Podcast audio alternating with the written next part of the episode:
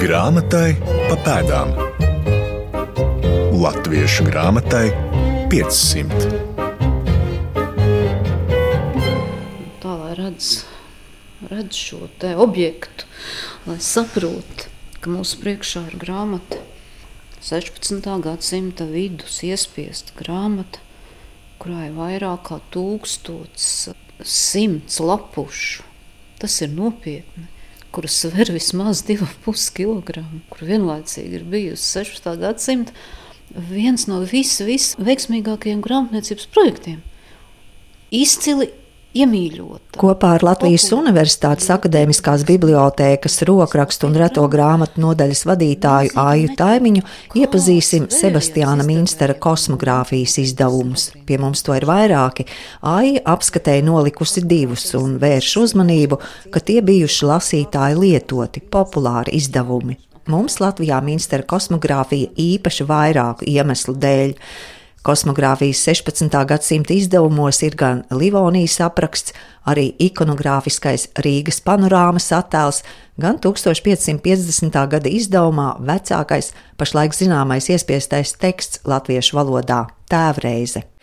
Bet sāksim visu pēc kārtas. Kosmogrāfijas pirmizdevums klajā nāk 1544. gadā Bāzelē un turpina iznākt ik pa diviem, trim gadiem. Turklāt kosmogrāfija izdota vairākās valodās, atkārtoti un papildināti izdevumi iespiesti līdz pat 1628. gadam. Kopīgais eksemplāru skaits šajos nepilnojos simt gados, kas ir iznākuši vienā tipogrāfijā, faktiski vienā tipogrāfijā, Bāzeles pilsētā, ir 50,000 eksemplāri.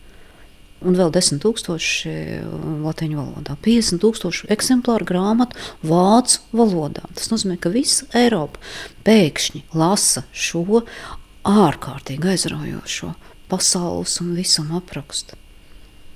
Tas ir fenomenāls sasniegums. Tā ir viena no vislabāk pārdotajām, viena no visveiksmīgāk izdotajām grāmatām, ne tikai 16. gadsimta kontekstā vien. Un šis piemineklis ir mūsu priekšā. Un Latvijā arī ir eksemplāri mūsu krājumā. Viena ir četras minsteru kosmogrāfijas, dažādu gadu izdevumi. Šī ir viens vēlāks izdevums, 1578. gada, un jūsu priekšā ir Sebastians Minsters pats. Tāds, kā viņu ir redzējis uh, lielais um, renesanses gleznotājs Hans Holbens, gleznojis, un vēlāk šis kogriezuma portrets arī atrodas viņa lielā opus magnum darba sākuma lapā. Bet tas ir jau pēcnāvs izdevums, un ministram tiek parādīta vislielākā cieņa, un viņš pats savu grāmatu arī ievada. Viņš te ir Bāzeles universitātes profesora uh, veidolā redzams. 60 gadu vecumā. Minsters grib rādīt pasauli kopumā, viņš grib rādīt visumu, ne vairāk, ne mazāk. Viņa visums ir visa pasaule. Viņš pats skaidro jēdzienu kosmogrāfija, tas ir grieķu valodas kosmos, visums un grāfija apraksts. Kosmogrāfijas uzdevums ir runāt vispirms par uh, geogrāfiju, par geoloģiju, par astronomiju un par astroloģiju reizē arī runāt par pilsētu, zemju, vēsturi, par izcilām personībām, par ievērības cienīgiem notikumiem vai par dīvainiem notikumiem. Runāt tā, Un tas ir galvenais virsuzdevums un mērķis, lai šie stāsti rādītu, kāpēc vienas zemes un vienas karalistes uzplaukst, un citas zemes pagrimst. Un tajā visā, lai lasītājs varētu saskatīt lielo dieva plānu pie šīs pasaules. Ministrs pats raksta ar pateicību un godbību par to, ka ar viņu ir sadarbojušies vismaz simts dažādi autori un atbalstītāji. Tur ir gan uh, zinātnieki, tur ir uh, vācu pilsētu rātes, tur ir vācu zemju firsti. Tur ir dažādi korespondenti, kas ir sūtījuši pēc viņa pieprasījuma, pēc viņa lūguma gan pilsētu aprakstus, gan stāstus par zemēm, eh, gan zīmējumus. Vairākas pilsētu rādes, piemēram, ir uzņēmušās savus pilsētas panorāmu likt izgatavot un piesūtīt šo attēlu ministram, lai šis viņu godājumās pilsētas attēls taptu iekļauts kosmogrāfijā. Šī ir viena no izcilākajām um, agrīnā grāmatu iespiešanas uh, laikmeta grāmatām, kur mēs redzam dabā. In situ izgatavots pilsētas skats, kas ir reproducēta kogriezuma tehnikā. Šīs grāmatas labā strādā kogriezēji un zīmētāji. Un iznākums ir vienkārši iespaidīgs. Livonijas apraksts dažādos kosmogrāfijas izdevumos liecina, ka nav atkārtots viens un tas pats teksts, bet gan papildināts vai pretēji kļuvis konspektīvāks. 544. gada uh, izdevumā stāsts par Livoniju ir visai interesants. Jo ministrs uh, stāst par Livoniju ir dzirdējis pirms vairākiem gadiem. Viņš ir saticies Vormsā, Lutāņu un Katoļu teologu diskusijā ar kādu vīru, kādu garīdznieku no Livonijas, kas to viņam ir pastāstījis. Ir noskaidrots, kas ir šis vīrs un, un kas ir šis garīdznieks bijis. Tas ir vācietis Nikolaus Glosānus ir bijis Rēvels superintendents, Rēvels baznīcas kalva. Viņš tomēr ir pametis 39. gadā, pārcēlies atpakaļ uz Vāciju, un tātad vēl pēc trim gadiem saticies ar ministru, un ministram atstāstījis, ko viņš atcerās par to laiku, kad viņš ir pabijis Rēvelē. Bet stāsts ir arī par Rīgu, un stāsts ir arī par um, Livonijas tikumiem un parašām, gan par to, ka šī ir pilsētas un zemes, kuras ir gūstas milšu laukos. Tas ir par Rīgu. Gan par to, cik tās ir bagātas ar, ar koku, cik svarīgs ir vasks kā eksporta prece.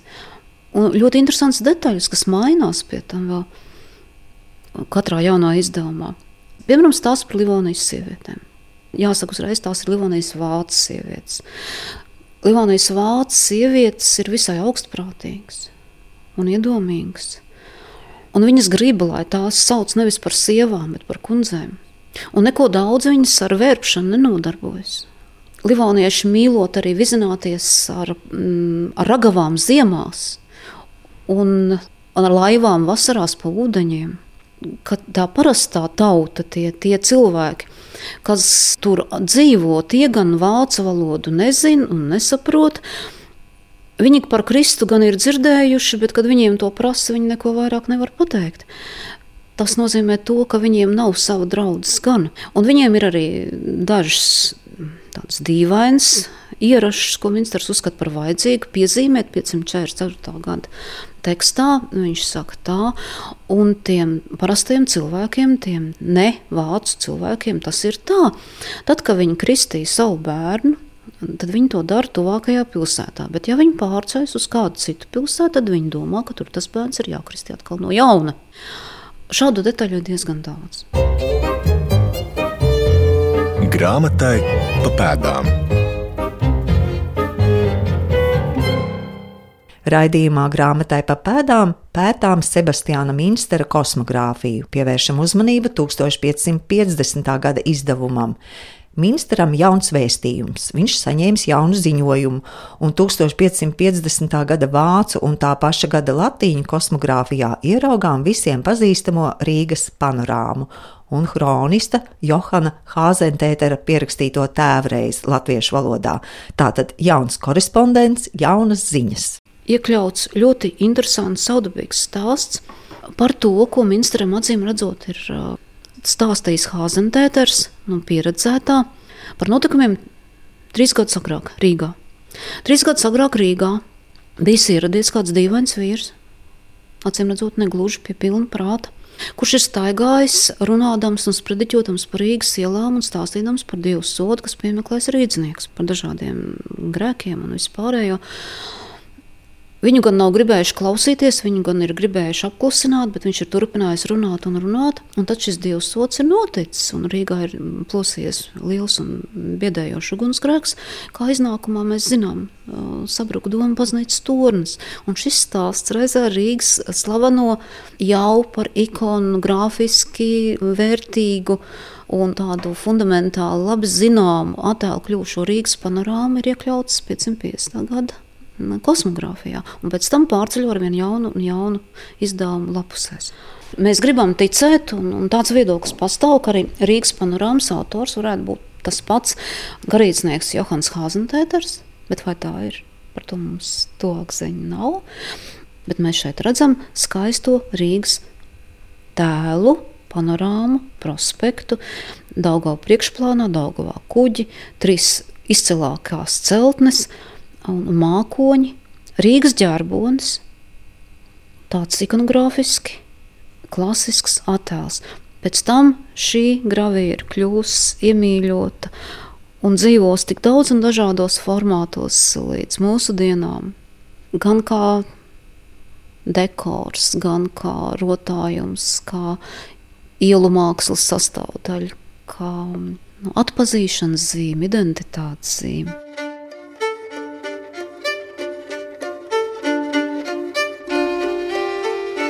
Mīnstera kosmogrāfija būtiska arī tiem, kas interesējas par latviešu valodas vēsturi, jo kosmogrāfijas vācu un latīņu izdevumā 1550. gadā iespiesta tēvreize latviešu valodā.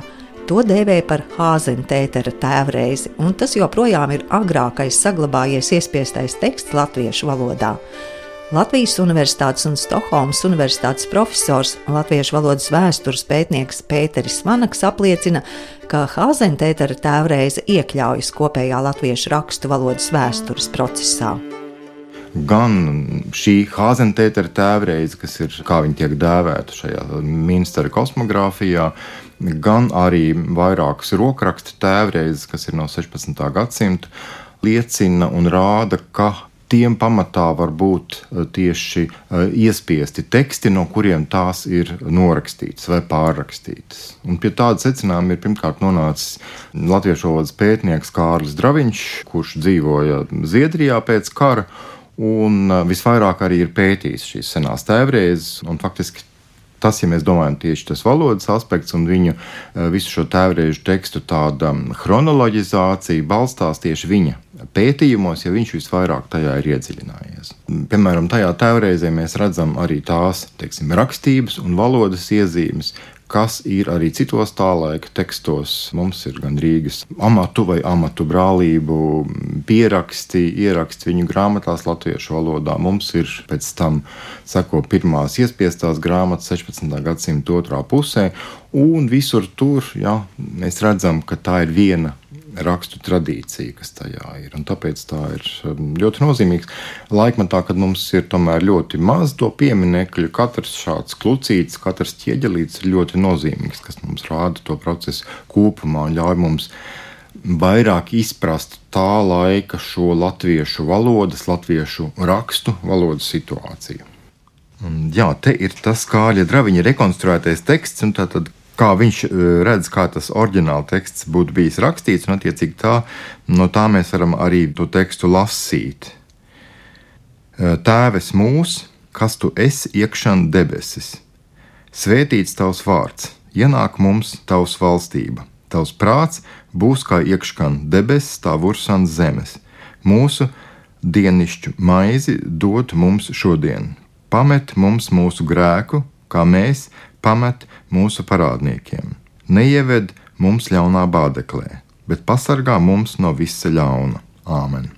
Tāds e, ir šis teksts. Protams, e, dažās vietās mēs varētu interpretēt citādi, ja vēl papildus domāt par citām formām, precīzākām. Ja šis ir tad, tad, tas viņa rekonstruētais eh, rakstiskais teksts, jau, ko es mēģināju nolasīt. Ja. Kas varbūt ir tas, kas liecina, ka tas nav pierakstīts no dzirdēta teksta, bet tas ir eh, no šī rakstu? Tekstā ir piemēram izmantoti šādi paņēmieni, kas raksturīgi teksim, pa, garo patskaņu apzīmēšanu ar, ar dubulto patskaņu, tātad diviem A, piemēram.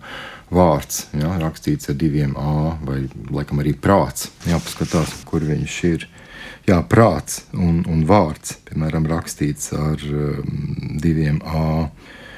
Tāpat uh, tur ir arī paņēmieni, kas, protams, balstās vācu tā laika mm, rakstu tradīcijā, vai precīzāk sakot, lejas vācu rakstu tradīcijā.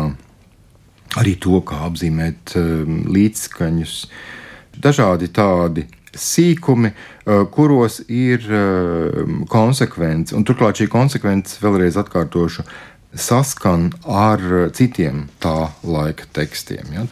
Un saprotams, ka tam, kurš to pieraksta, ir uh, valoda jāprot. Ja, ja šis Johans Hāzentēters, kurš ir tālāk Sebastianam Minsteram nodevis šo tēvreizes tulkojumu, šo tēvreizes pierakstu, Mēs zinām, viņš ir uzturējies pāris gadus šeit, Latvijas teritorijā, un nav nekāda pamata domāt, ka viņš būtu apguvis pamatīgi latviešu valodu. Tad, viņš no kaut kā šādu tekstu pārrakstīja, kas viņiem bija priekšā. Un kā Kārlis Draviņš uzskata, pēc vairākām iezīmēm, ka tas, kas norāda viņa prāta, ka tas ir drukāts teksts, nevis. Protams, varēja būt arī rokraksts teksts.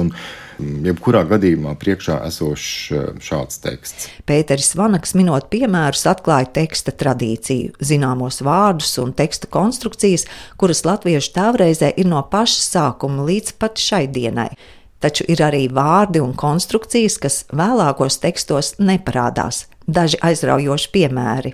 Nu, piemēram, mums labi zināmais um, teiciens, tavs prāts. Notiek tavs prāts, lai notiek, kā nu mēs šodien sakām, vai šeit tavs prāts būs. Tekstā tad prāts nesaskan ne ar latīņu tekstu, ne ar vācu tekstu tieši, jo tur ir skaidri pateikts griba Ja? Vai nu tas būtu voluntārs, latīniski vai uh, ville, vāciski. Bet latviešu tekstā ir šis prāts. Protams, mēs ar to saprotam gribu, ja? bet tieši tā leksēma ir nevis griba, bet prāts. Un tas ir visos tekstos, gan šajos, gan vēl citās 16. gadsimta tekstos, un arī pēc tam. Tā ir stabila tradīcija, ka šis vārds ir izmantots tajā frāzē. Tāpat uh, arī vārds valstība kas arī ir specifisks veidojums, specifisks atvasinājums. Ja. Šis vārds nav latviešu pēc cilmes, ja tas ir aizgūts no um, senkrievu valodas. Tad, uh, protams, interesants arī ir šis um, virsmas zemes, ja, šī konstrukcija virs zemes, kas, piemēram, skaidri norāda uz uh, tuvību ar vācu tekstu. Nu, un tad, protams, ir interesants uh, vārds, ko šodien mēs uh, lietojam, neieved mūsu kārdināšanā. Ja, kārdināšana arī ir tāds nu, diezgan abstrakts jēdziens. Tad te ir tāds ļoti interesants vārds, neieved mums mm, ļaunā bādeklē vai badeklē. Precīzi un pilnīgi simtprocentīgi ticama skaidrojuma šim vārdam nav. Jo šis vārds mums ir lūk, um, vairākos šajos tēvreizu pierakstos, bet uh, šādā nozīmē, šādā kontekstā tas neparādās nekādos citos uh, tekstos, ne tajā laikā, ne arī vēlāk. Jā, vēl, viena, vēl vienu vārdu, kuru ir vērts pieminēt. Um, šai pašā otrajā lūkšanā ir ienāk mums tava valstība. Mēs zinām arī, lai nāk tava valstība, šodien mēs sakām, latīņu tekstā arī ir advenija regnum tum, arī vācu tekstā ir dainreich kome, nekāda mums tur nav. Visos latviešu tekstos, pirmajos, visur ir mums. Un atkal, piemēram, Rīgas vācu dziesmu grāmatā, kas ir 16. gadsimta sākumā izdots, un tur ir skaidri uns vēl klāt pielikts. Tad mums ir Un skaidrs, ka tas nāk no šīs vācu versijas. Arī Kārlis Draviņš ir atbalstījis savulaik Alvila Augstkalna un citu latviešu valodnieku izteikto hipotēzi, ka ir bijis viens tulkojums, kas tālāk ir um, uzlabots, jā, variēts. Tad, tad Es nezinu, vai es gribu tā simtprocentīgi piekrist šim, bet neapšaubām ir tradīcija. Ja? Un ir tradīcija, kuru mēs redzam šajās uh, frāzēs, šajās frāzēs, kas nostiprinās uh, un kas iet cauri laikam līdz pat mūsu dienām.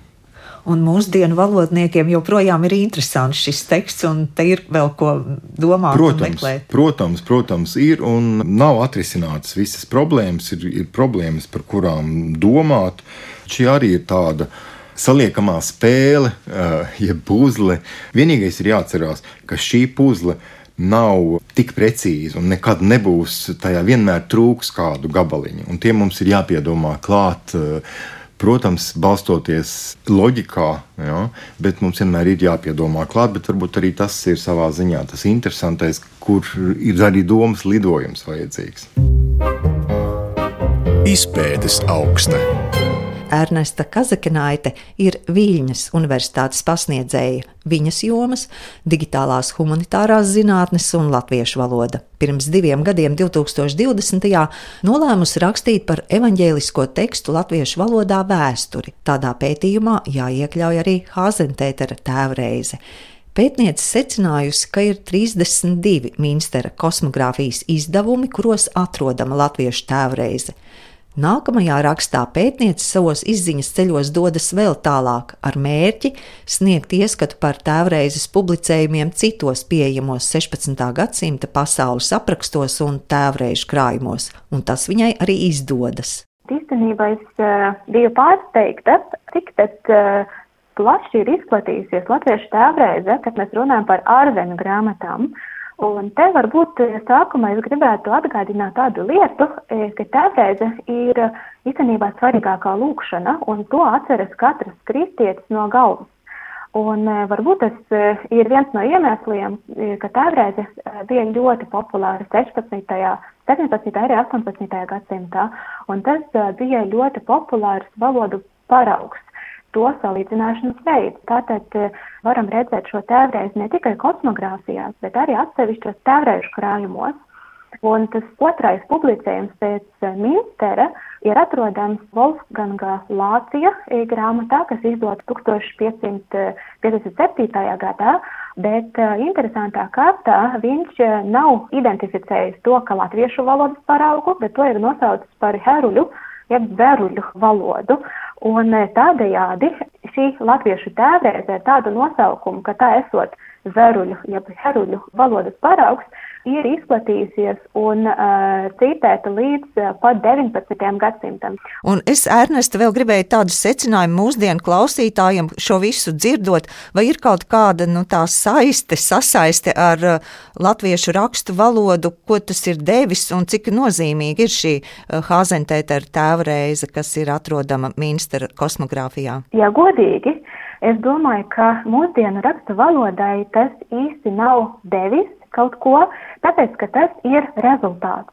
Tādā ziņā, ka Hāzentēta tēvreize tika izplatīta ārzemju grāmatās, un līdz ar pirmo mums zināmo saglabājušo publicējumu latviešu valodā, kas ir iznācis 85. gadā, tad mēs, ja mēs salīdzinātu, tad mēs redzam, ka tā tēvreize atšķiras ka īstenībā Hāzentētera eh, piefiksēta tēvreize, tā atspoguļo varbūt pirmo posmu, tad 16. gadsimta sākumu posmu, tā eh, nav ietekmējusi tieši mūsdienu latviešu rakstu valodu, bet e, varbūt tas ir tāds ļoti interesants fakts tādā ziņā, ka tieši ar Hāzentēteri, Hāzentēteru un arī uh, Minsteru tā ir iegājusi ārzemes grāmatu aprītē, un tādā ziņā ārzemnieki uzzinājuši par latviešu valodu, tad viņi ir iepazinušies ar latviešu valodu tieši šīs tēvreizes dēļ, ka tā tika izplatīta tik daudzos eksemplāros. Tas ir tiešām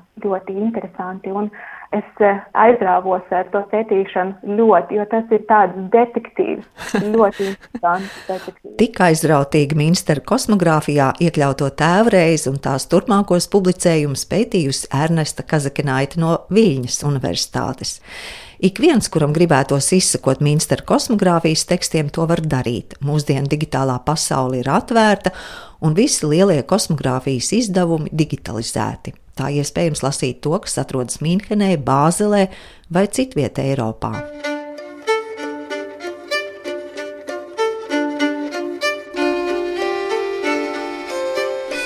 Saku paldies mūsu šīs dienas ekspertiem Aijai Taimiņai, Ernestai Kazakinaitei un Pēterim Vanagam. Raidījuma padomdevējs Latvijas Nacionālā bibliotēka, producente Santa Lauga, par labskaņu rūpējās Nora Mītspapa. Mans vārds Laima Slava. Pēc nedēļas uzzināsiet, kas ir Zaharijs Stopijs un kāds viņa sastādītais kalendārs. Joprojām būsim 16. gadsimta Rīgā. Grāmatai pa pēdām Latviešu grāmatai 500.